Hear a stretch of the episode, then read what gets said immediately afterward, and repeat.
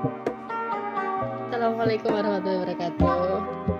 Balik lagi sama aku Adisa Nurdar on my podcast di Jendela Hati Membuka cakrawala dengan suara hati.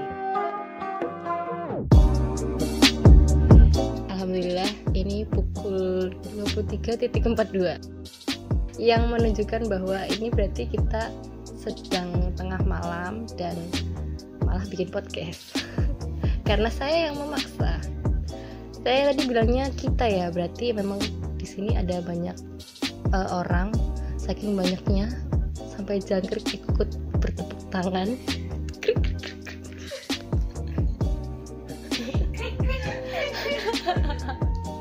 Oke kenalan dulu sama teman-teman saya di sini. Di sebelah yang pakai baju merah dulu. Yang baju merah jangan sampai lolos. Siapa tuh di situ? Hai, nama saya Rizka Yati Handayani dari Nusa Tenggara Timur. beneran tuh emang lahirnya di mana mbak oh, ya udah orang Solo mah Solo aja ngaku-ngaku NTT jauh bener Baik, perkenalkan nama saya Lisa Fitriani. Saya dari Sukoharjo. Oke, eh, perkenalkan nama saya Septi Verasania dari Boyolali, Nemplak, Subokerto, Tawangrejo. oh ya berhubung tadi kan kami habis melaksanakan sebuah tugas negara tugas negara jadi Mensejahterakan seluruh umat. Wih di kayak pemimpin gitu ya. Nah, jadi saya ingin sedikit membahas tentang apa yang sudah kami lakukan tadi, yaitu berkaitan tentang komunitas. Alhamdulillah, kodarullah tadi udah selesai eh, bakti sosial, karena sekarang kan lagi pandemi corona ya. Jadi ketika semua orang di rumah aja, kita malah keluyuran. Jangan ditiru ya guys ya. Tapi insya Allah yang kami lakukan tadi itu Sudah Eh, ya, Uh, guys. dan ini amanah dari apa ya kan sebagian orang kan sudah menitipkan amanahnya dan harus ada orang-orang yang bergerak untuk melakukan tugas berikutnya jadi bersinggungan dengan komunitas sendiri nih. Sebenarnya kita ini satu komunitas ya mbak mbak ya. Kita dipertemukan di satu komunitas. Komunitasnya juga baru jadi kita juga sebenarnya baru baru kenalan. Dari kapan kita kenalannya? Ayo mbak, dari kapan? Jawab, jawab. kayak kapan berdirinya? Sofa ya jawab tanggal berapa ada yang ingat nggak? Nah, aku pribadi kalau aku pribadi itu aku kenalnya dari bulan April. uh April ya. Aku pertama kali gab- gabung sama Sof itu bulan April. emang berdirinya tanggal berapa? Nggak tahu. tanggal 31 Maret. Berarti kan cepet ya berarti termasuknya Maret. Bulan akhir tapi oh, berarti sebulan ya? Berarti sebulan langsung gabung. Sebulan baru aku masuk. oke oke ya. Bulan 31. Oh iya. Oh iya, hilang ingatan, hilang ingatan. selain komunitas ini mungkin ada ikut komunitas yang lain di luar komunitas kita yang sekarang Komunitas kelas. komunitas kelas itu grup WA ya bukan komunitas kelas sorry loh jadi eh, sebenarnya kenapa sih aku pengen bahas eh, seputar komunitas karena eh, seperti yang kita tahu komunitas itu adalah wadah wadah dari orang-orang yang memiliki visi dan misi yang sama menurut teman-teman ini fungsi komunitas itu apa sih kalau dari Mbak Rizka itu gimana? Komunitas. Hmm, menurut saya sih eh, itu sih untuk membentuk kepribadian juga salah satunya. Terus juga menambah relasi sih mbak. menambah Eh, relasi apalagi di tempat yang baru nah itu sangat perlu menurut saya kalau Mbak Vera sendiri gimana Ya pertama tadi channel, ya. Terus bisa apa? Nyari keluarga baru juga. selain itu alasannya jangan klasik-klasik gimana lebih lebih apa aku bingung.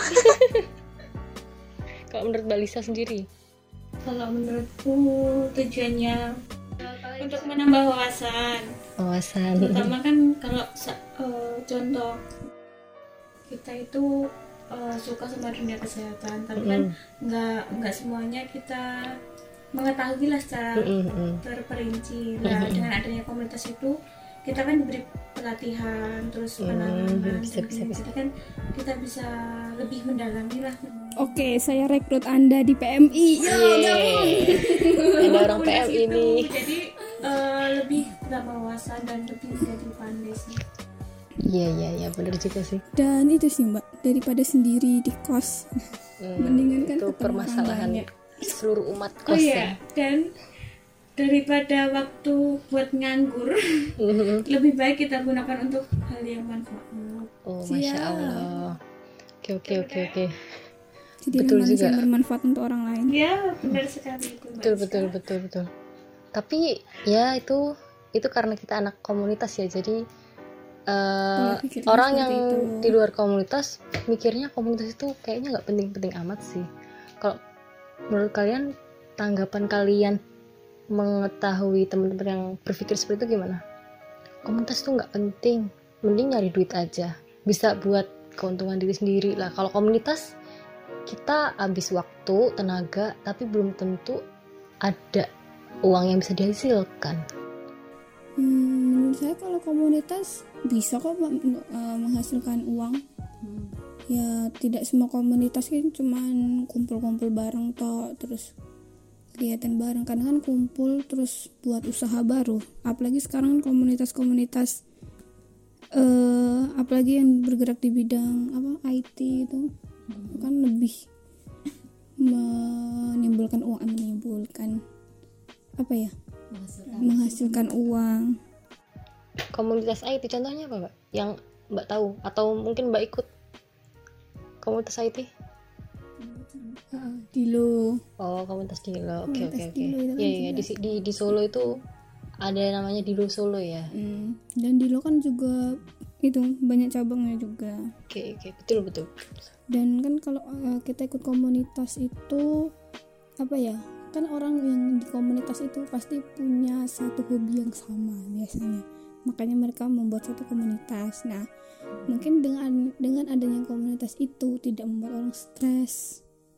Bisa have fun bareng sama teman-teman yakin nggak bikin stres. Gimana mbak Vera? Nggak bikin kalau stres? organisasi mungkin membuat stres. Loh kenapa? Bedanya apa sih organisasi sama komunitas? Kan sama-sama eh, maksudnya ada yang dikerjain bareng-bareng ada tujuannya juga hampir-hampir mirip Hmm, tergantung sih. Nah, kalau biasanya tuh stres pas ikut komunitas itu, tadi kan yang buat menyenangkan itu kan bareng-bareng. Nah, itu pas kalau nggak bareng-bareng itu loh, kalau misalnya eh, bikin kegiatan tapi orangnya nggak terlalu Oh, banyak, nah itu bikin stres. bareng-barengnya ngikut eh, ngikut acara tapi ketika buat acara nah itu Rasa sama terkadang paskanya nggak ada. hilang Oke oke, jadi harusnya bareng-bareng malah sendiri ya. Nah, itu bukan komunitas ya itu ya. kasihan kasihan pemimpinnya gitu loh mbak Oke tuh. oke, iya betul juga.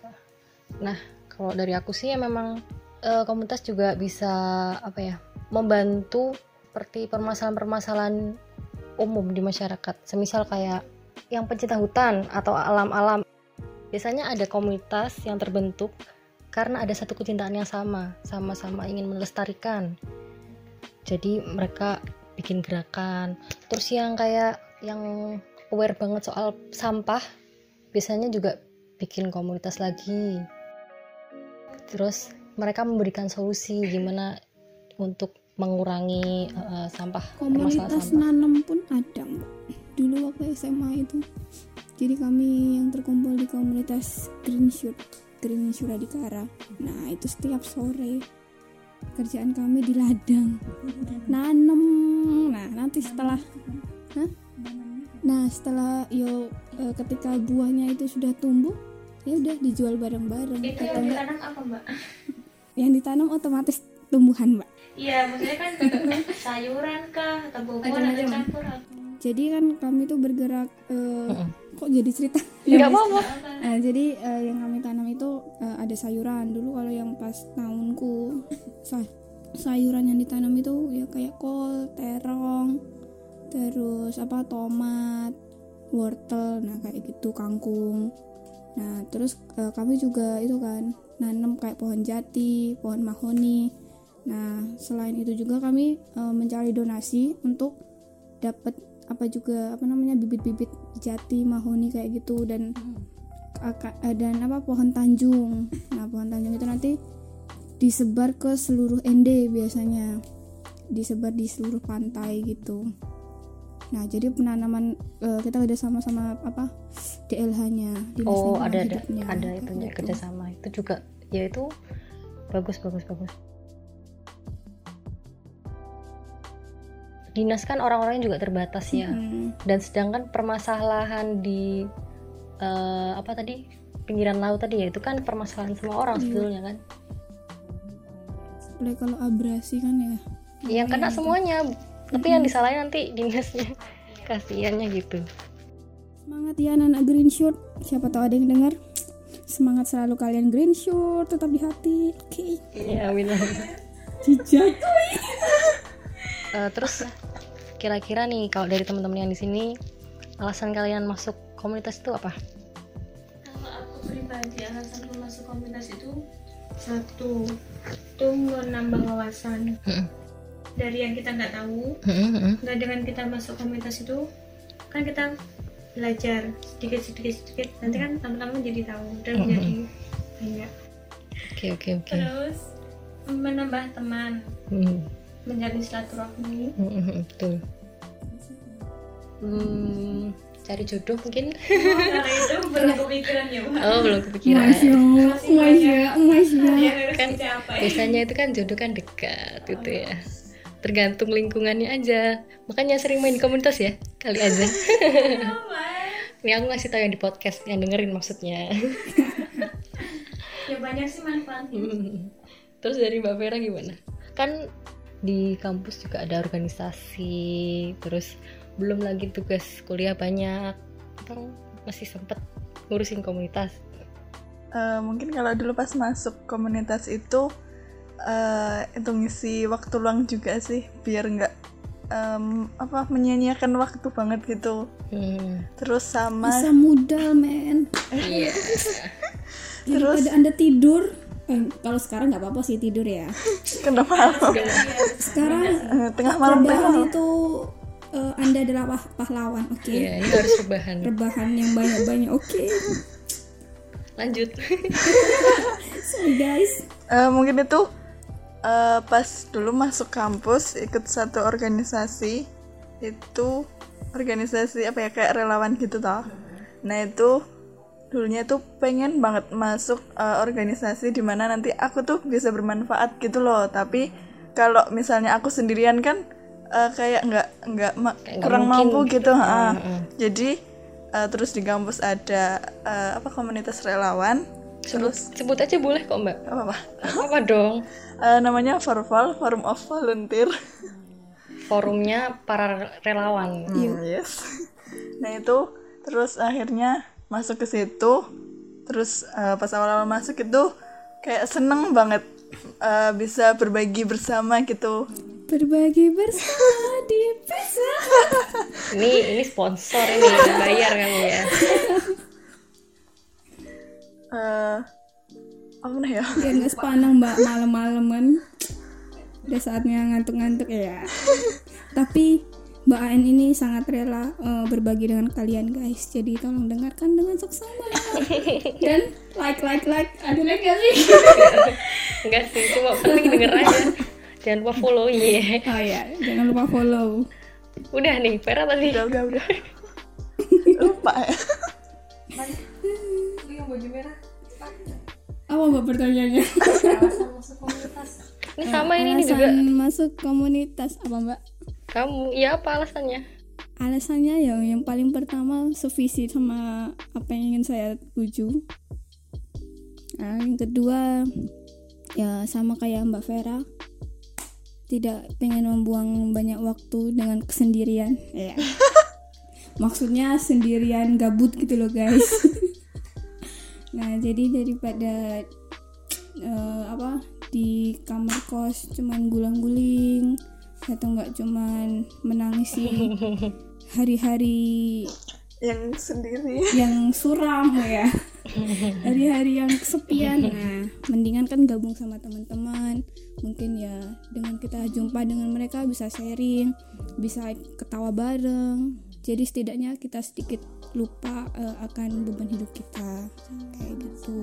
Dan mengingat beban hidup yang baru. Komunitas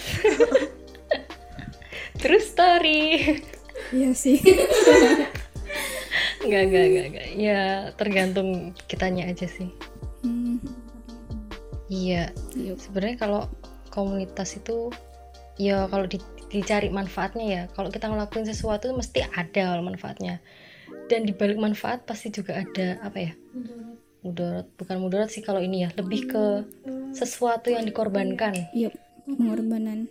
Cerita ya, Mbak ya. Tapi uh, aku pernah tahu lihat. Padahal itu ada satu komunitas. Hmm. komunitas itu komunitas Islam. Hmm. ya aku nggak sebut namanya ya. Hmm. cuma di situ uh, antara yang perempuan sama yang laki-laki itu masih bercampur bau hmm. nah aku mau tanya ini gimana tanggapan kalian kalian? Wah ini langsung anu ya jauh ya sebenarnya dari tema ya. Ya melenceng jauh ya. Sangat jauh. Soalnya toh kadang itu kan itu men, apa mengatasnamakan tentang uh, organisasi tentang agama tambah hmm. tapi kenapa kok cewek sama cowoknya itu berbau? Padahal kan dia istilahnya kan kayak menyebarkan agama tau tapi dia sendiri malah uh, kayak nggak nggak tahu aturannya gitu loh. Nah, berarti mungkin itu tadi jawabannya. Dia mungkin belum tahu belum tahu ingin ingin niatnya udah bagus pengen pengen tapi eksekusinya itu cuma masih, masih uh, benar ya. ya gimana ya? Kalau itu memang memang jauh di luar topik ya tapi kalau sedikit aku sampaikan ya tergantung niat awalnya juga dari mereka gimana tujuan komunitas itu tadi apa. Kalau Islam apa kalau komunitas dakwah apakah memang untuk berdakwah kalau komunitas sosial apakah memang untuk bersosial secara Islam? Atau apakah komunitasnya untuk ajang biru jodoh? Kita nggak tahu. Itu tergantung niat dan iya, tujuan iya. mereka. Yang jelas untuk untuk area benar atau salahnya ya maksudnya itu tergantung. Apa ya? Tergantung sudut pandang. Uh, uh, sudut pandang. Kalau kita ngelihat dari mana kita lihatnya? Kalau kita lihat sudut pandang dari secara Islam ya udah pasti itu salah. Yeah. pasti salah. Ya, tapi mungkin, tergantung.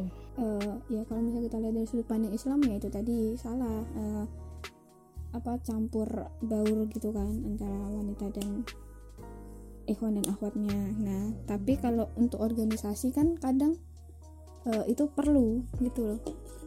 Sebenarnya nggak masalah sih. Yang penting batas batas oh, masih batas wajar. batasannya ya. Tapi ya memang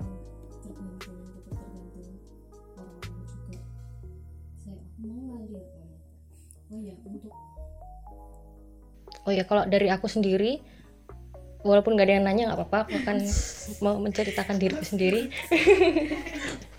Kalau alasanku masuk komunitas nih jujur-jujuran aja ya. Alasanku masuk komunitas dulu tuh eh, pertama kali tuh aku kalau di Solo ya setelah merantau ke Solo aku ikut komunitas dari GCI jadi GCI itu kan organisasi di Solo organisasi ke apa ya kayak ya, pelatihan kepemimpinan lebih tepatnya. Hmm. iya pembentukan kepemimpinan. dan mereka punya agenda. Dari agenda itu terbentuk komunitas. Nah di situ aku baru ikut pertama kali alasanku pertama kali. Itu biar aku nggak cupu-cupu banget lah di Solo. Jadi kan kasarnya orang perantau nyampe di kota baru. Seenggaknya kan biar kita lebih mengenal solonya juga gimana terus mengenal orang-orangnya seperti apa itu kan berarti harus terjun. Berbaur sama berbaur. orang-orangnya ya, mbak. Iya akhirnya dari situ tadi saya mulai ngerti jalan-jalan tikusnya Solo. Itu mulai dari komunitas. Setelah itu ternyata setelah pas dijalani mengikuti komunitas tadi ada manfaat lain yang selain kalian sampaikan tadi itu adalah bisa sharing gimana cara mereka masing-masing individu itu bisa apa ya bukan menjadi suksesnya sih bisa apa ya memperbaiki karakternya masing-masing gitu loh. Jadi kan kita kumpul bareng kita sering ngobrol sharing. Dan di situ yang awalnya isi pikiran kita kan beda-beda. Tapi ketika ada masalah itu bisa diselesaikan dengan baik dengan cara kekeluargaan. Intinya tiap orang kan punya pengalaman. Nah yang paling seru di komunitas itu ketika bisa saling sharing pengalaman. Betul. Sharing pengalaman. Kerja bareng. Oh iya sebenarnya kalau sama komunitas itu ngobrol itu ngobrol yang bermanfaat ya mbak ya. Uh-uh. iya sih benar lebih lebih lebih terarah ya Iya. obrolannya. Karena kalau namanya satu komunitas ya itu kan wadah. Wadah di mana ya tadi eh, visi misinya sama hobinya sama. Jadi yang diobrolin itu ya nyambung. Walaupun mungkin kita orangnya beda beda beda karakter, orang. tapi tapi ada yang sama jadi bisa nyambung ya karena dengan komunitas atau organisasi kan orang juga bisa menemukan jati dirinya dia yang sebenarnya sih. Kok bisa gitu mbak bisa apa dapat passionnya dia. Kenapa kok bisa gitu? Kan kadang ada yang cuma ikut komunitas ya cuma coba-coba dan ya mungkin kayak mbaknya tadi apa cuman pengen biar nggak cukup biar nggak cukup Mm-mm, biar nggak cukup. terus kan pada akhirnya keterusan ikut di komunitas itu Karena akhirnya bisa menemukan jati diri tapi beneran dong maksudnya eh, kenapa aku bilang tadi biar nggak cupu? Karena aku ngerasain dulu waktu zaman sekolah Eh, aku mulai ikut organisasi itu ketika SMK ya. Jadi waktu SMP aku bener-bener cuma sekolah itu ya ya sekedar sekolah. sek- sekedar sekolah. Dan itu ada pengalaman bener-bener aku dicap bener beneran dicap cupu. Cupu dalam tanda kutip beneran cupu. Padahal maksudnya secara apa ya secara pikiranku sih waktu itu. Ya aku sekolah kan emang karena tujuanku.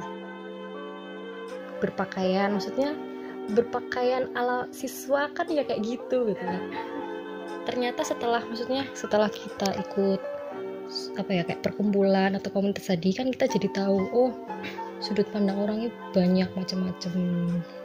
Jadi kita bisa kayak adaptasi mengadaptasikan diri ketika kita di suatu tempat gitu loh.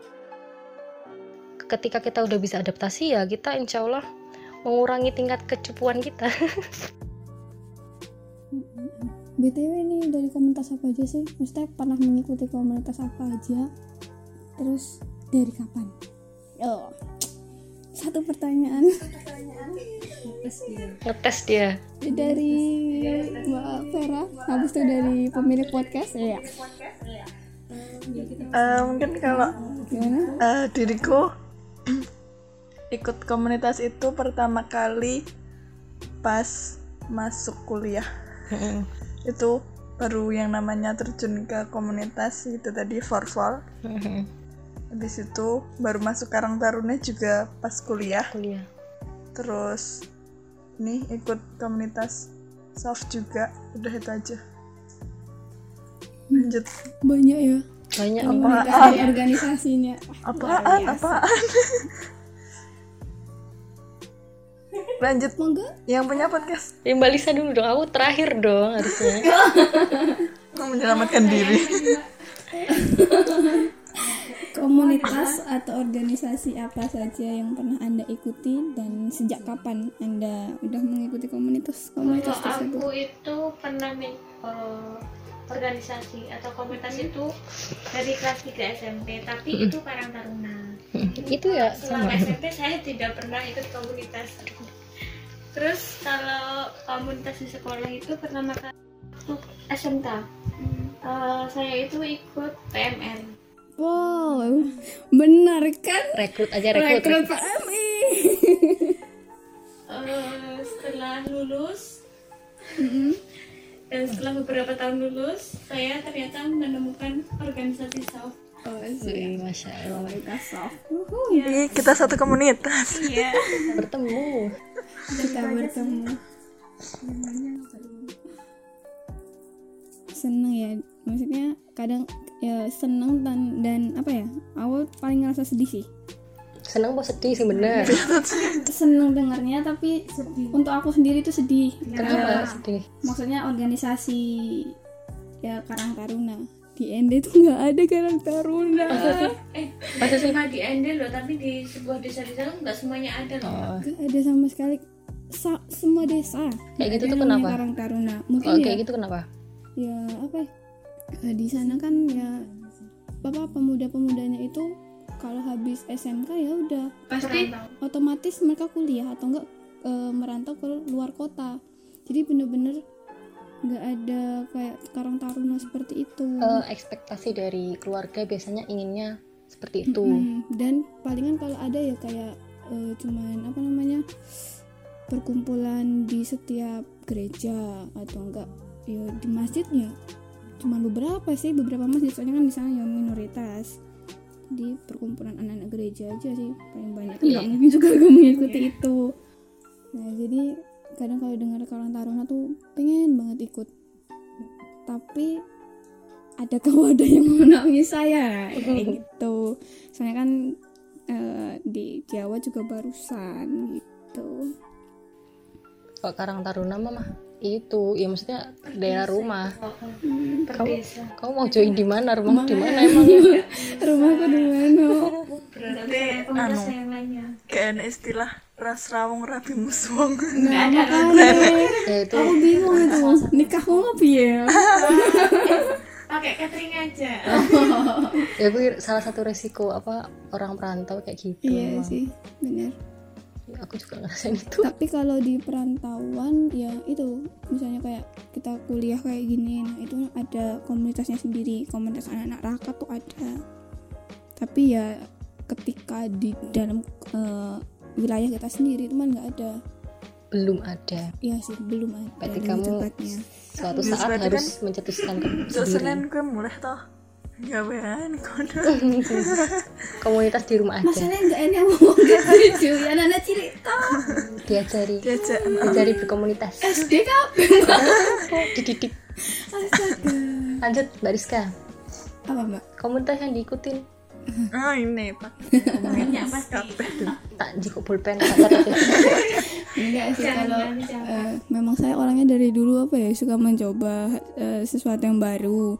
Terus hmm, apa ya orang tua dari dulu kan juga ketika kamu di jalan yang benar ya udah silahkan gitu kan dari dulu. Nah jadinya ya dari SMP itu udah banyak sih. SMP itu ya biasalah pramuka pramuka wajib. Terus ya itu apa namanya? Anak ambil anak ambil aku rata melu pramuka. Berarti sampai inti ya mbak ya Eh, SMA eh, apa nggak ada pramuka kalau punya aku. Jadi cuman sampai penggalang mbak ya. Nah ya dari SD sih kalau pramuka heeh. terus eh kalau SMP itu ya tadi pramuka itu juga. Terus apa kempo. Sorinji Kempo guys untuk kalian yang belum tahu silahkan anda cari di Google ya. Nggak mau aja. Ya salah eh, salah satu cabang bela diri dari Jepang juga terus ikut apa namanya osis. Alhamdulillah waktu itu juga dapat amanah. Di SMP apa SMA SMP nonton ketua osis ya waduh ngeri guys. Sih. Oh, emang kita harus segala? Ah, harus mbak. Soalnya kami di sana itu harus menyita banyak barang-barang kosmetik kosmetik terus apa namanya Iya, Kak. kos. kaki. Soalnya di sana itu kos kaki itu pakainya dua. Hitam sama putih. Jadi wah jadi lagi ngerti aku. Ah, ah. jadi di sana itu pakai kos kakinya tuh sampai di bawah lutut ini. Jadi kayak anak-anak futsal kayak gitu. Tapi itu hitam putih. Sedangkan kan Unik kalau di sekolahku itu eh, ketika sepatunya hitam ya hitam tok tidak boleh ada putihnya. Ya itu wajar. Nah terus kos kaki itu harus sesuai terus dasi. Terus ah pokoknya dulu tuh menjadi orang yang paling dibenci semua orang. Wajar kamu tuh. Dan waktu itu kan ya karena ikut kempo itu tadi ah, biasalah anak-anak yang pertama kali ikut bela diri biasanya egonya ah, tinggi. nah egonya tinggi banget. Nah akhirnya ya ya kalau dibenci enggak sih. Malah banyak teman sih sebenarnya. Cuman ya itu tadi. Kayaknya temennya menusuk dari belakang.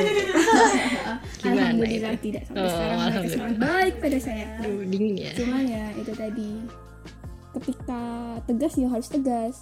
Tapi ketika sudah selesai semua pasti tetap minta maaf sama mereka. Walaupun walaupun ada kelas tetap tetap pasti minta maaf.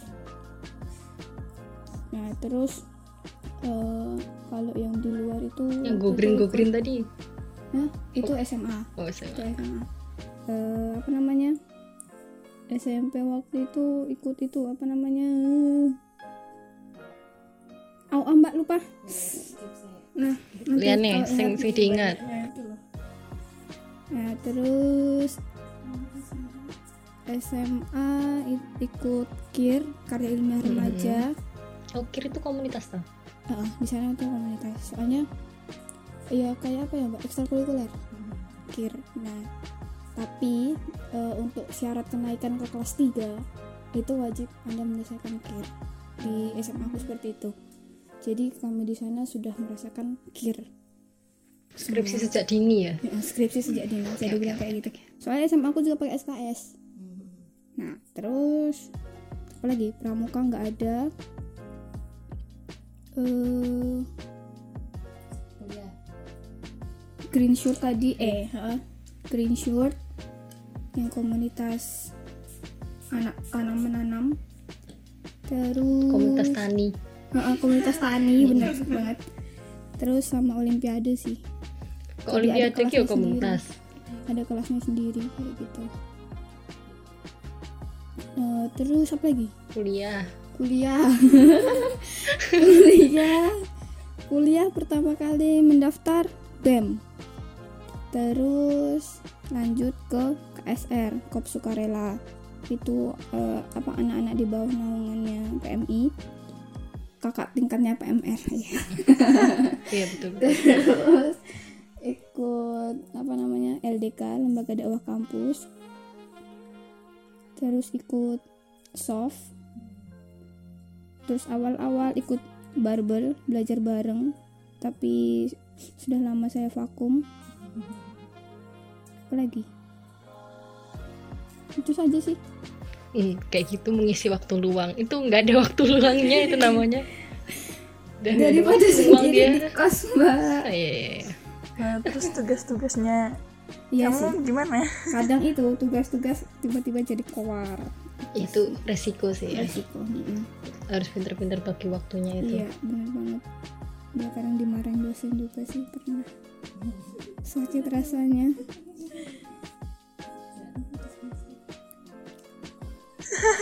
Oh iya, mama.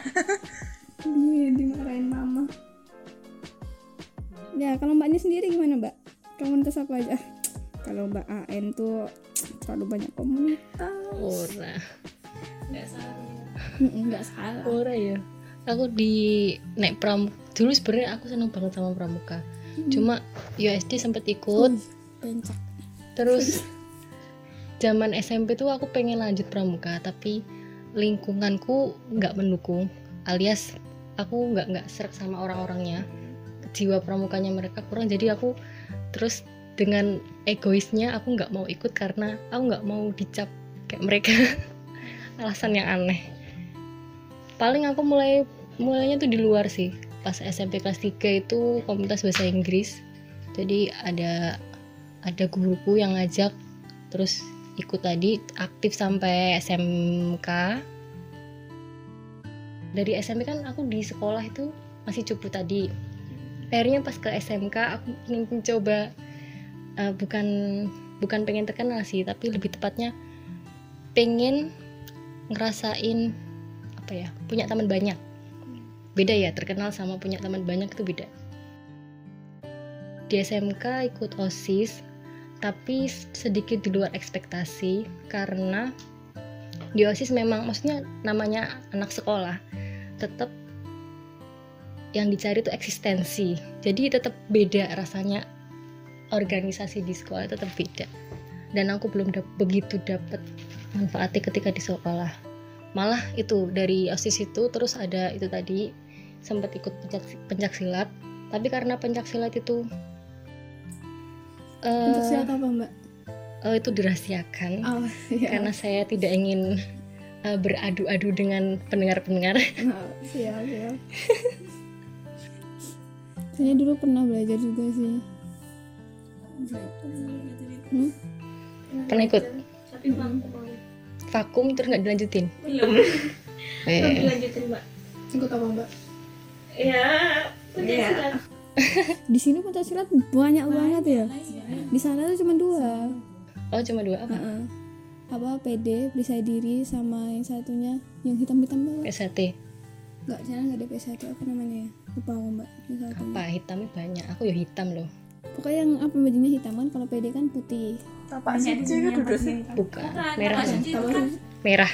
Merah merah. Nah, orang mendeng. Mending jenenge tok.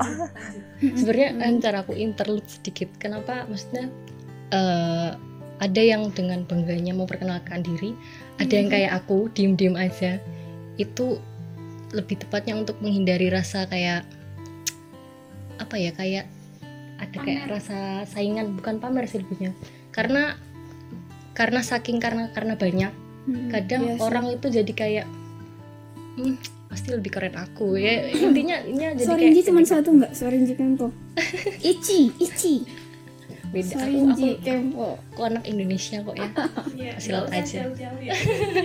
Enggak, aku enggak jauh kok. lanjut lanjut kan dari ah tadi kan eh, awalnya kalau di sekolah di SMK itu kan osis cuma buat sekolah nah waktu ikut pencak walaupun awalnya dari sekolah tapi namanya pencak itu kan mereka kayak punya Cabang eh, cabang dan eh, apa sih bukan ranting maksudnya lebih punya persatuannya lebih kuat lagi gitu loh sih.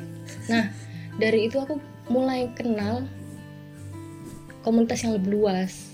Hmm. Dan saking luasnya itu kayak orang nggak kenal. Ketika kita tahu nih satu satu sama-sama satu perguruan, itu bisa langsung akrab. Aku aku baru baru dapat oh manfaatnya ikut komunitas yang besar itu kayak gini ya. Langsung langsung langsung dapet gitu loh. Oh, gitu. Pas tanding. Wah, itu teman-temannya jadi ada di mana-mana. Nah, yang aku suka itu. Nah, gila rasanya seneng banget. aku mulai ketagihan ikut komunitas sejak itu sejak ikut pencak silat itu di habis itu ikut lagi nggak ya Eh, di kuliah ding di kuliah ini ya lumayan sih sebenarnya. Banyak Mbak N kuliah. nggak juga deh nggak juga deh nggak aku nggak ikut GCI cuma ya kenal aja. Oh iya, Mbak N tuh mungkin tidak katanya tidak banyak uh, ikut komunitas, tapi dia salah satu pendiri komunitas cuy. pendiri apa? Tentara hati. aku nggak pendiri aku cuma ketuanya aja. Nah, itu kan. wakil ketua yang menggantikan ketua nggak juga sih. Yang namanya pendiri tetap beda. Terus tapi itu udah udah vakum karena eh, semuanya udah merantau. Jadi kalau aku untuk melanjutin nggak bisa karena dari sesepuhnya itu udah kamu lanjutin kehidupanmu aja. Gitu. Disuruh menyerah aku. Jadi semangatin ya.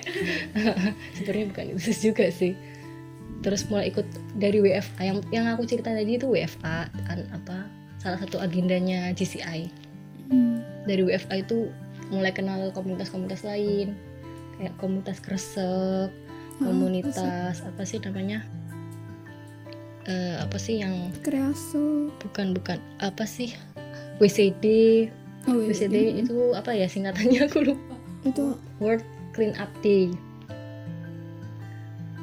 Itu juga. Maksudnya dari dari satu komunitas di Solo terutama itu kayak orang-orang komunitas itu uh, saling apa ya kayak saling connect gitu loh. Dan hampir kayak misalkan sesepuhnya orang komunitas ya. Kan aku ada salah satu kenalnya itu sama Mas Nanang yang pernah aku ajak bikin podcast. Nah Mas Nanang itu aku nggak tahu tingkat penyebarannya dia aku maksudnya? Maksudnya ini setiap kali aku ketemu orang baru di komunitas tertentu terus aku ngobrol sama Mas Nanang itu selalu kenal. Jadi aku tuh ini kenapa orang komunitas selalu terhubung gitu loh. Aku sampai bingungnya gitu kalau di Solo.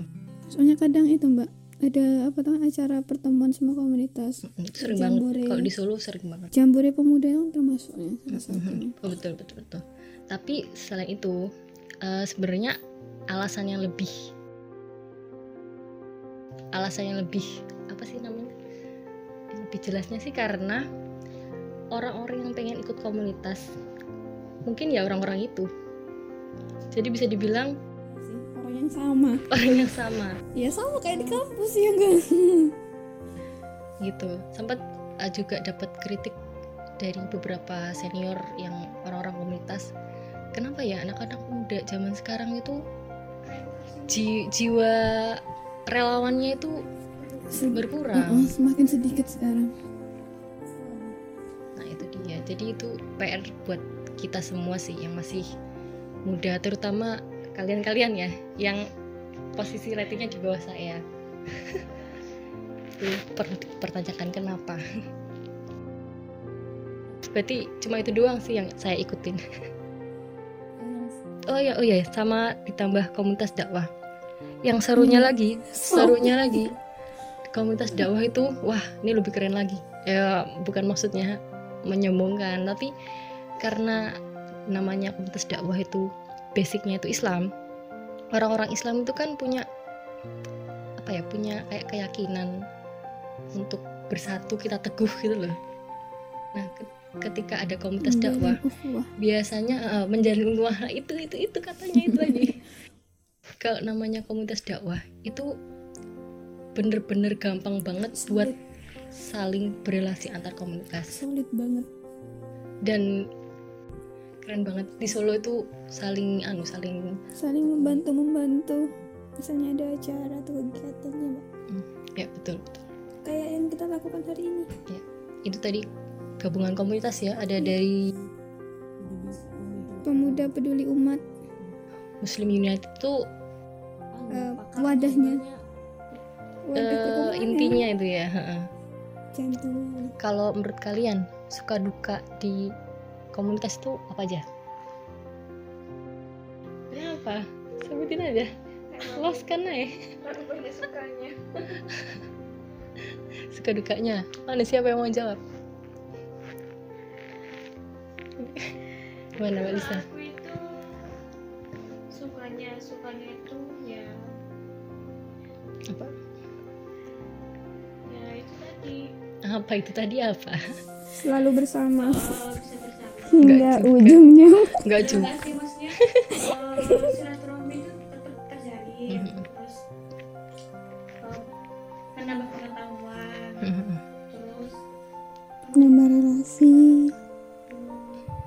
Lain itu, selain itu. Suka dukanya, dukanya kalau dukanya. kalau dukanya kalau dukanya itu kalau ada kegiatan Mm. Nah, ya itu kan seharusnya toh kalau ada kegiatan itu kan eh, kita kita organisasi yang ditunjuk itu kan harusnya bersatu ya, bersama oh, kita teguh bersama untuk menjalankan suatu kegiatan itu. Tapi kenyataannya banyak yang apa ya? Sibuk banyak yang dengan urusannya masing-masing Oh, masing-masing. Oke, kalian tahu nggak bedanya organisasi sama komunitas? Nggak, nggak. Aku ini pertanyaan asal aja. Tahu nggak, Riz? Bedanya apa? kalau menurut aku sih kalau apa ya kalau organisasi itu apa ya gimana ya Apa yang membuatnya benar-benar berbeda? lebih ke itu sih hobi sih menurutku. Kalau komunitas kan lebih eh, kita kumpul karena hobi yang sama. Kalau organisasi kita kumpul karena visi yang tujuan yang sama. Gimana ya? Terus apa ya? Bingung. Sebenarnya yang membuat per- perbedaan antara organisasi dan komunitas itu terlihat benar-benar beda itu adalah dari sistem sih struktur organisasi, strukturnya selalu. dan tanggung jawabnya. Kenapa? Karena namanya komunitas itu biasanya memang didasari dengan apa ya? Satu keinginan yang sama. Makanya itu terbentuk. dan sedangkan organisasi organisasi itu memang harus ada kan memang harus ada untuk melakukan tugas-tugasnya nah aku ngomong, ngomong itu bingung pak jadi organisasi itu memang kayak diperlukan harus ada gitu loh. Tapi kalau komunitas tuh ya karena itu kita punya hobi yang sama. Jadi kita membuat suatu perkumpulan Nah, kayak gitu. namanya organisasi itu organisasi namanya organisasi itu dia struktur kepengurusannya itu jelas. Maka Hmm. kalau jelas biasanya itu amanahnya juga jelas. Dan kalau dilanggar sanksinya juga jelas. Bedanya sama komunitas itu. yaitu di komunitas itu strukturnya tuh nggak terikat ada yang struktur itu cuma buat biar komunitas formalitas heeh. ada yang memang dibentuk untuk memudahkan job makanya desk-nya. makanya sih kenapa kalau di komunitas itu kita nggak bisa mengharapkan kalau semuanya itu benar-benar terjun Mm-mm. karena memang apa ya benar komunitas benar cuma, cuma opsi iya benar jadi kalau misalnya kalau di komunitas ya betul kita memang harus bisa memaklumi hal itu. Karena kita ya itu tadi bisa dibilang kita itu. Kan maksudnya kita di situ karena kita mau aja. Saya karena kita memang mau ikut eh, kegiatan atau hal tersebut. Tapi kalau organisasi nah itu kan yang harus ada. Jadi kan kayak permasalahannya disampaikan sama Mbak Lisa tadi nah sekarang kan sangat sering terjadi. Nah itu kadang oke kalian kalian mungkin lagi futur lagi males sama suatu organisasi atau ih kenapa sih kegiatannya cuma ini ini aja? Tapi cobalah kalian kalian itu jangan hanya memandang dari apa yang akan organisasi berikan sama kamu itu loh. Eh, tapi kalau misalnya kamu bisa berbuat kenapa enggak gitu. Loh nah kan tadi katanya kalian ingin menjadi orang yang bermanfaat. Nah itu salah satunya tuh di situ. Maksudnya kalian bisa memberikan apa di situ gitu loh. Jadi jangan terlalu mengharapkan apa yang akan kalian dapatkan di situ. Jangan Itu. jangan terlalu mengharapkan ya. Terus menjalaninya iya. Ya itu kan kalian sudah terjun langsung di situ Udah harus terima konsekuensi. Gampang sih sebenarnya kalau diomongin tapi kalau dilakuin tetap susah sih. Iya. karena gimana ya? Namanya juga eh, punya kesibukan masing-masing tapi ya tetap. punya prioritas. Kadang kita kan pasti harus ada yang dikorbankan. Nah kadang ya namanya manusia ya pengennya mengorbankan sesuatu itu juga karena sesuatu itu Imbalan yang yang diperjuangkan besar. itu ada benefit. Itu naluriah banget sih sebenarnya. Karena harus namanya juga transaksi ya. Ibaratnya kayak jual beli ya sama-sama untung pengennya. Tergantung lagi sudut pandangnya gimana sih. Jadi balik lagi ke suka duka. Kenapa mbak Vera nggak nggak mau ngomong soal suka duka? Banyak itu mbak dia suka dukanya. Kok bisa sih? Kok bisa? Banyak yang nggak disukai kenapa? Eh, mungkin ya pas awal-awal lagi eh, apa banyak senengnya ya. Itu pas kita apa bisa melakukan sesuatu yang lebih dari pada pas eh, apa yang kita lakukan bersama itu lebih dari kalau misalnya kita lakuin sendiri tuh loh. Nah itu itu rasanya tuh mm, seneng banget. Terus kalau misalnya kalau eh, di dunia relawan itu kan kalau misalnya kita bisa bermanfaat buat orang lain itu kan rasanya beda. Kayak bahagia banget melihat mereka. Apalagi dapat doa dari mereka nah itu itu sesuatu yang luar tak ternilai biasa, ya nah tapi eh dapat doa langsung. Mm, mungkin kalau apa dukanya itu eh, yang tak rasain saat ini. Jangan nangis Fer. Itu Anda kuat. ketika mereka yang udah ikut masuk ke organisasi atau komunitas itu nggak nggak mempunyai rasa apa ya cintaan. nggak kayak nggak mem- Memiliki. rasa memiliki gitu loh. Nah di situ kan kita yang bener-bener punya rasa memiliki organisasi itu kan oke kita serius di situ tapi pas mereka yang udah ikut terjun masuk ke organisasinya. Itu kenapa nggak nyel sekalian nyelam sekalian? Nah itu. setengah ya Heeh, setengah-setengah. Dan itu malah membuat kita malah apa kayak jadi buat bisik sana bisik sini terus eh, jadi ma- bikin masalah baru. mem- memicu sesuatu lah pokoknya. Ya itu bisa itu sih dukanya ketika tidak memiliki rasa. Gimana? Tambahan lain? Dukanya organisasi. Eh komunitas berkomunitas kalau juga komunitas sih alhamdulillah belum merasakan sih kalau komunitas ya. Misalnya lebih ke happy happy aja sih kalau komunitas. Gitu Nah, kalau organisasi itu banyak banget. sebenarnya bedanya itu apa? Gimana ya yang lebih tepatnya yang disampaikan sama Mbak Vera tadi. Eh, mungkin kurangnya kesadaran akan tanggung jawabnya masing-masing sih Mbak. Kalau di anu kalau di organisasinya Mm, tadi. kan ya tadi seperti yang disampaikan organisasi itu memang harus ada. Maksudnya eh, kita itu dibuat karena memang harus ada harus ada su- sesuatu yang menaungi gitu kan. Mm-mm. nah ketika anda sudah tahu itu dan anda terjun langsung di situ kenapa ketika di tengah jalan nggak langsung basah sekalian? Nggak langsung eh, sampai akar-akarnya gitu loh. Anda anda itu benar-benar mengetahui organisasi tersebut gitu loh. Kenapa? Cuman di awal aja semangat terus pertengahan atau akhir entah.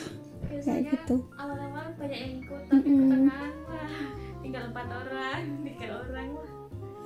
Tapi beda sih mbak dulu SMP dulu SMP tuh wah tak akui teman-temanku itu luar biasa. Berarti itu lingkungan yang yang merasa mungkin ya karena kita masih masih di apa ya masih anak kecil gitu ya mungkin ya ya pola terlalu pikirnya sih banyak heeh. kesibukan nah lain pola juga. pikirnya ini Oh, have fun iya, have fun have fun gitu beda-beda. Tanggung jawabnya udah. Nah jadi bisa jadi bisa jadi. kayak kegiatan gitu ya Allah bener. Dulu tuh namanya kegiatan di gerakan A ayo semua jalan. Semua ada. Sampai dulu hal yang tidak mungkin waktu itu bersihin sekolah sekolahku itu waktu itu permintaan dari kepala sekolah sama wakil kepala sekolah bersihin eh, satu sekolah itu dari permen karet.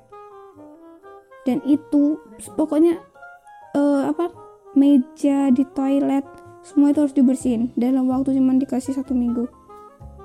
Dan itu berhasil. Dengan anak-anak osis sekitar 30-an dan itu semua hadir bawa dengan apa namanya minyak tanah bawa dengan skopnya mereka wah luar biasa pokoknya. Love you teman-teman. Rindu kalian. Ayo 2021 kita reuni. Reuni akbar ya guys. Berarti kamu harus lulus dulu kalau reuni. Iya harus lulus dulu. Sama aku juga harus lulus dulu. Ya, ya suka dukanya komunitas. Kalau aku sih saya kamu harus ngomong buat eh anu.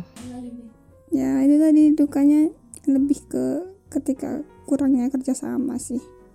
Dan itu komunikasi. Kalau aku komunikasi? Hmm. ya ya ngomong-ngomong soal komunikasi tadi ya. Kalau yang aku rasain ya sebenarnya ini aku sukanya kalau ini sukanya. Aku tuh eh dulu kan dari dulu zaman kecil dari SD mungkin ya aku kan orangnya bosi suka mimpin gitu ya. Kalau zaman sekolah eh, mungkin teman-teman sebayaku tuh sebel ngeliat aku kok sok mimpin gitu kan? Walaupun sebenarnya emang emang bisa waktu itu. Cuma karena ketidaktahuanku gimana cara memimpin yang baik ya jadinya itu tadi teman-teman pada sebel. Nah aku mencoba mengimplementasikan di komunitas atau organisasi. Aku ngetes diriku sendiri apakah aku bener-bener bisa mimpin atau enggak. Walaupun statusku bukan pemimpin sih ya. Masih masih anggota biasa atau kadang paling koordinator. Coba jadi ngetes diri sendiri apakah aku layak untuk menyatakan diriku tuh bisa memimpin? Dan ternyata nggak semudah itu. Berat banget jadi pemimpin itu. Dan maksudnya lat- latihannya itu ya kita ngadepin orang-orang ini cara belajarnya. Dan di situ yang aku dapet oh ada apa ya? Ada banyak pengalaman yang bisa aku pelajarin. Suka sukanya di situ. Walaupun berat ya gak semudah Bener, itu bener, bener. tapi dapet gitu loh. Dan apalagi itu kalau ke keluarganya ada tuh ya Allah mbak. Dan itu pasti dirasakan semua orang-orang komunitas. Nggak cuma orang yang suka mimpin kayak aku tapi hampir semuanya. Karena di komunitas itu kita dilatih buat memunculkan kepribadian kita potensi kita. Seperti itu. Makanya kalau ketika kita di komunitas kita masih gitu-gitu aja alias belum bisa berkembang sebenarnya kita rugi. Bener. Rugi.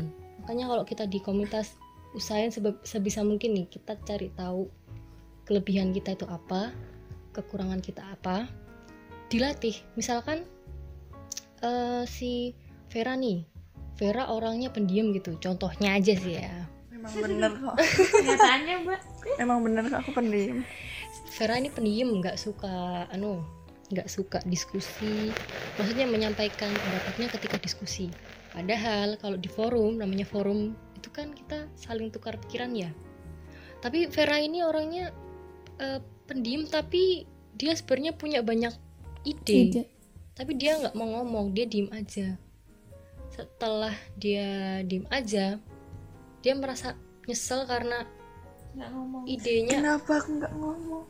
Ha-ha, padahal idenya idenya dia itu bagus. Itu misalkan idenya tadi itu disampaikan sama Rizka. Rizka bilang wah gini aja kok. Terus Vera batin wah aku mau Jane mikirku ngono ya Jane. Aduh gelo aku ah. Itu kan salah satu misalkan kekurangan ya. Nah di situ kita dilatih buat speak up berani speak up walaupun itu mungkin kedengarannya sepele ya tapi itu susah itu susah banget buat orang-orang yang nggak terbiasa Bener banget, speak up aku nyoba Iya kan Mm-mm. apa bicara di depan banyak orang, Orang. terutama walaupun seumuran itu Mm-mm. susah banget kita tuh udah mempersiapkan Mm-mm. dari awal itu sebaik mungkin tapi kenyataannya di lapangan itu aduh semuanya Hmm. beradul ya, ya kayak gitu pernah aku merasakan Jangan kan seumuran. yang di bawah sama yang di bawah ya ampun. Sampai Cuman- semuanya cuman blank. cerita cuman dongeng sama anak kecil ya ya Iseng Blank ya ampun. Padahal persiapannya udah jauh-jauh hari, tiap hari latihan. Ih, sampai di depan. Aduh. dan padahal eh, ke- apa ya kemahiran kayak itu tadi itu sangat dibutuhkan buat kita yang suatu saat nanti buat kerja. Iya. pasti. Namanya kerja itu nanti kita komunikasi sama orang wawancara sama HRD-nya terus kalau disuruh presentasi bos itu kan pasti kepake. Oh iya duka mbak. Nah, duka. Ini dukanya Vera sih ya. Dukanya di organisasi. Kadang ya eh, kayak pendapat tadi tidak dihargai oh, tidak ada- iya Oh iya ya ampun, aku kayak kapan kapan diharga, orang dihargai itu ya ampun. Ngasih aku nesu untung orang ngasih live group. Nggak dihargainya itu kenapa apa kamu ngomongnya nyolot atau gimana Enggak sih. enggak nggak dibaca Eh, bukan nggak dibaca aku sebenarnya. aku aku Oh, orang iya aku wingi gitu. Pertanyaanku sebenarnya simple, nggak nyolot. Itu dan itu suatu pertanyaan pertanyaan yang penting lah. Nah, tapi mereka semua udah lihat eh, lihat chatku di grup, tapi nggak ada yang respon sama sekali dan padahal itu eh, apa? Itu sesuatu yang penting yang tak tanyain itu penting, tapi nggak sama sekali nggak di apa? Nggak direspon. Nah, pertanyaan juga Jadi agak kecewa ya mbak. Banget tahu. di depannya salah satunya itu bisa jadi karena nggak berani speak up tadi atau ya macam-macam sih alasannya. Ya itu ya salah satu dukanya. Enggak, Betul. kadang kadang kita nggak bisa debat kadang. Eh, kadang kita mempertahankan apanya kita gitu pendapatnya kita. Gitu hmm, sudah sering terjadi sih kadang ada lagi dukanya nih kalau ini aku nggak ngerasain sih cuma aku ngamatin aja. Semisal ada yang kayak cinlok tuh dalam organisasi atau komunitas. Yang bikin jadi duka adalah ketika awalnya maksudnya mekar-mekar. Terus pas eh, pas pas layunya itu berdampak ke organisasi atau komunitas. Dan itu bener-bener fatal ketika eh, orang ini punya kedudukan penting. Fatal banget. Itu salah satu duka sih tapi ya menjadi suka kalau misalkan mereka sampai nikah. Ketemu jodoh wih. beneran? Ya walaupun ya nggak tahu deh nggak jadi. Tuh udah di luar topik gak mau bahas aku. Kamu aja yang mikir kan nggak bucin. Eh, dia kan bucin baru. Khusus untuk Rizka. Eh tapi btw mbak Ain sudah ada loh. Apa podcast tentang bucin. Oh tak kira udah ada bisa apa ditonton ya eh Kamu jadi- ditonton didengerin itu yang di kemudian nih tadi eh, dampak yang kalian rasakan dampak bisa jadi macam-macam dampak negatif atau positif kalau dari aku pribadi ya setelah aku ikut komunitas hal pertama yang paling aku rasakan ya aku sekarang jadi bisa tahu kalau orang tuh beda-beda karakternya eh, apa ya prinsipnya terus apa lagi ya cara menghadapinya juga harus beda-beda. Dan yang paling kerasa itu ketika apa ya pelatihan kedisiplinan disiplin waktu lah ya. Soalnya banyak banget. Indonesia nggak kayak kamu tidur. Aku pribadi ya aku pribadi aku sempat bahas di podcast yang lainnya sih aku dari dulu dari kecil sampai aku lulus sekolah aku diajarin disiplin sama orang tua aku sama keluarga aku. Dan disiplinku tuh bener-bener disiplin. Ketika aku mulai terjun ke dunia komunitas atau apa namanya Organisasi. ini aku kira sih awalnya cuma di perkuliahan aja yang nggak disiplin. Ternyata di komunitas itu banyak banget menemukan orang-orang yang kurang disiplin. Kurang disiplin ya bukan disiplin ya, kurang disiplin. Kurang.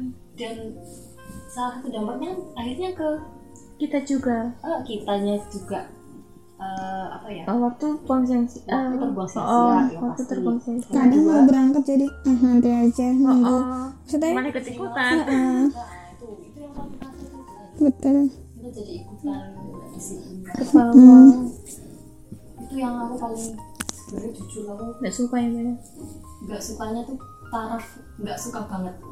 Jadi mohon maaf banget kalau misalkan ada orang yang sengaja dinolak. dan dia telat paling akhir terus dan itu setiap saat kayak gitu wah mohon maaf saya gedek sama anda.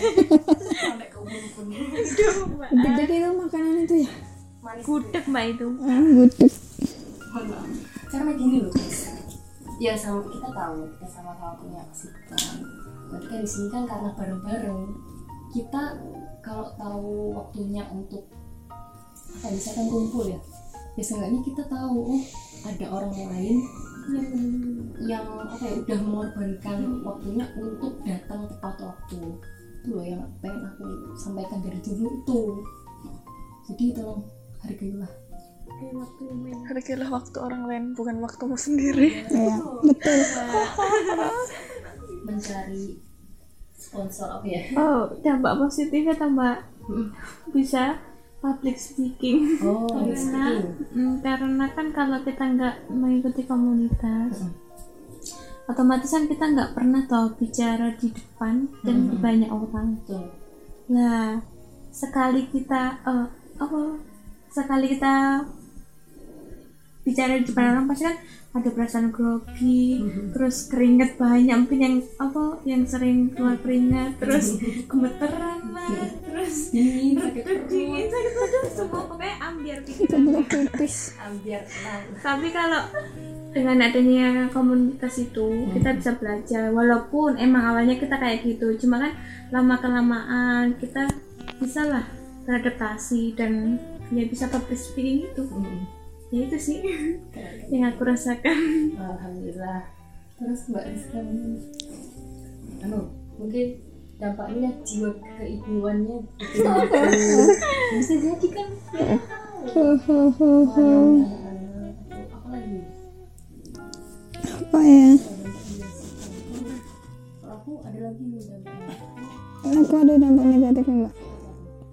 Dampak negatif untuk aku gimana ya aku kan orangnya kadang kepikiran ya. Jadi eh, misalnya ada masalah di organisasi kadang itu benar-benar kepikiran sampai sampai gimana ya. Pokoknya gimana caranya maksudnya aku harus maksudnya kayak menyalahkan diri sendiri kadang. Terus ya intinya bisa jadi stres sih kadang mbak. Jadi berdampak pada semua pola hidup nah bisa dibilang kayak gitu. Itu sih dibenahi ya Mas. Mm-mm. jadi itu juga masih jadi PR ku gimana caranya bisa kontrol emosi sendiri sih. Nah itu jadi dampak positifnya jadi bisa mengontrol emosi. Mungkin ya aku kayak manajemen waktu. Biar kan iya aku apa jenisnya kayak gimana kan pertamanya gabut kan duwe apa jenisnya gawean terus melu organisasi terus eh ketula-tula tapi tugasnya itu yang itu. Terus baru gue sesuai kan tapi sesuai iso kok ngatur waktu eh, manajemen waktu kayak gitu. ya karena kalau disiplin kita kayak versi iya betul betul benar jadi dimarahin sana dan sini oh ya aku tadi sorry aku pengen menyampaikan ini. Dampak salah satu dampak lagi ya yang aku rasain adalah eh, ketika kita jualan apa aja pasti ada yang beli. Benar. Benar karena banyak relasi. Kamu mau misalkan kamu eh, jualan apa deh? Kamu share ke teman-teman kamu. Itu pasti ada aja yang beli insya Allah. Atau enggak ketika kamu bisa sesuatu entah kamu pintar kalau aku kan aku ngerasain aku eh, bidangnya videografi. Aku cuma post-post aja itu awalnya awalnya cuma post tapi lama-lama jadi kerja. Ya. enaknya itu masya Allah. Makanya buat teman-teman yang mungkin belum ikut organisasi atau komunitas jangan ragu buat mencoba untuk terjun. Jangan ragu jangan takut. Walaupun memang banyak kendala-kendala atau macam-macam temuannya. Tapi pasti ada manfaatnya.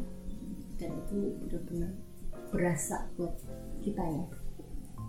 Ada pesan lagi mungkin dari temen istilahnya mencoba dari keluar zona nyaman gimana ya. Suka sekali tuh kata-kata.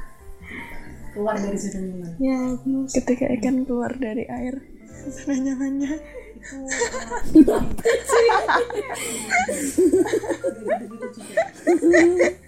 Enggak, siapa tahu dia eh, keluar mencari air yang baru, air yang lebih jernih kan bisa jadi keluar dari zona nyaman.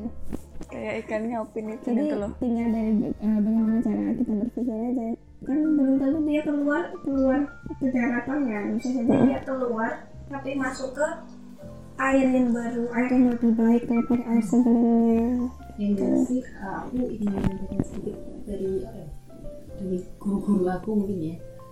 Ketika ini kan kita masih muda ya sebenarnya ya. Ya walaupun aku 23 tahun aku juga masih muda. Pokoknya selama sebelum 40 tahun itu kita masih muda. Tenaga tetap masih kuat masih fit misalnya seperti itu. Dan ketika kita masih muda pikiran kita masih fresh bisa berpikir dengan maksimal kita masih juga Sebenarnya apa ya? Masalah masalah yang ada itu belum belum dan energi kita masih besar itu akan mubazir ketika kita cuma digunakan untuk memikirkan urusan kita sendiri. Itu akan mubazir dan kalau kalian ingat eh, tahu pejuang umur 21 kan? Al-Fatih. nah Muhammad Al-Fatih itu 21 21 tahun bisa mengalahkan konflik sebenarnya bukan yang pengen aku sampaikan adalah itu 21 tahun bisa mimpin perang bisa ngalahin musuh. Berarti kan beliau tuh memanfaatkan waktu mudanya tuh benar-benar maksimal gak ada yang itu dan kalau di zaman sekarang memang sih kalau buat gerak sendiri tuh agak sulit. Sulit berkembang. Nah makanya kita latih untuk keluar dari zona nyaman biar kita menjadi pemuda yang tidak mubazir udah tidak membahas Tidak membazir umur kita maksudnya. Tuhan sudah kasih, maksudnya Allah sudah memberikan kita eh, jangka waktu hidup yang banyak. Yang 60 tahun, ya memang mungkin kata orang singkat, tapi itu juga banyak untuk kita. nanti ada pertanyaan apa uh, masa mudamu dibuat buat Nah, apa itu yang nah mau itu disampaikan. perkara sebelumnya oh. benar sekali masa mudamu itu buat apa? Masa mudamu itu untuk apa jangan menyanyiakan wa- apa? Nah, masa mudamu itu. Masa muda jadi harus bermanfaat. Oke jangan tidur. Kita bekerja sampai besok. Ya Allah. Ini udah besok kok ini udah tadi hari mbak. Nggak oh, bener bener bener. Bentar, satu lagi. Aku tadi mengingat jelas nih kata-kata komandan kita waktu di ending acara tadi ya. Eh, beliau sempat bilang terima kasih kalian sudah rela mengorbankan apa ya waktu kalian tenaga kalian buat ikut aksi sosial ini tadi. Karena eh, kita kan di sini cuma relawan. Nggak banyak orang yang mau jadi relawan karena nggak dibayar capek dan resikonya tuh kita nggak bisa memperkirakan dengan pas- pasti gitu. Nah tapi insya Allah eh, karena kita di sini niatnya buat berbaik berbuat Niatnya berbuat baik. baik karena Allah Insya Allah akan kembali kebaikan untuk kita dan keluarga kita. Amin. mana Oh iya, kalau aku eh, itu sih satu kata dari sesepuhku juga sih, enggak sesepuh si kakakku juga yang paling aku suka sih dalam organisasi. Ya apa? Jangan tumbang sebelum berkembang. Nah itu mungkin sangat bagus untuk di organisasi. Jadi kita jangan eh, ya itu tadi jangan luruskan kembali niat. Setelah masuk jangan tumbang sebelum kita berkembang di dalam organisasi tersebut. Kayak gitu. Nice. Nice quote. Jangan tumbang. Tapi habis ini kita tumbang karena kita capek. Mau oke Barakallahu fikum. Semoga apa yang kita sampaikan bermanfaat. Dan jangan jangan lupa manfaatkan masa mudamu sebelum masa tuamu. Bye bye assalamualaikum warahmatullahi wabarakatuh. Waalaikumsalam warahmatullahi wabarakatuh. Selamat edan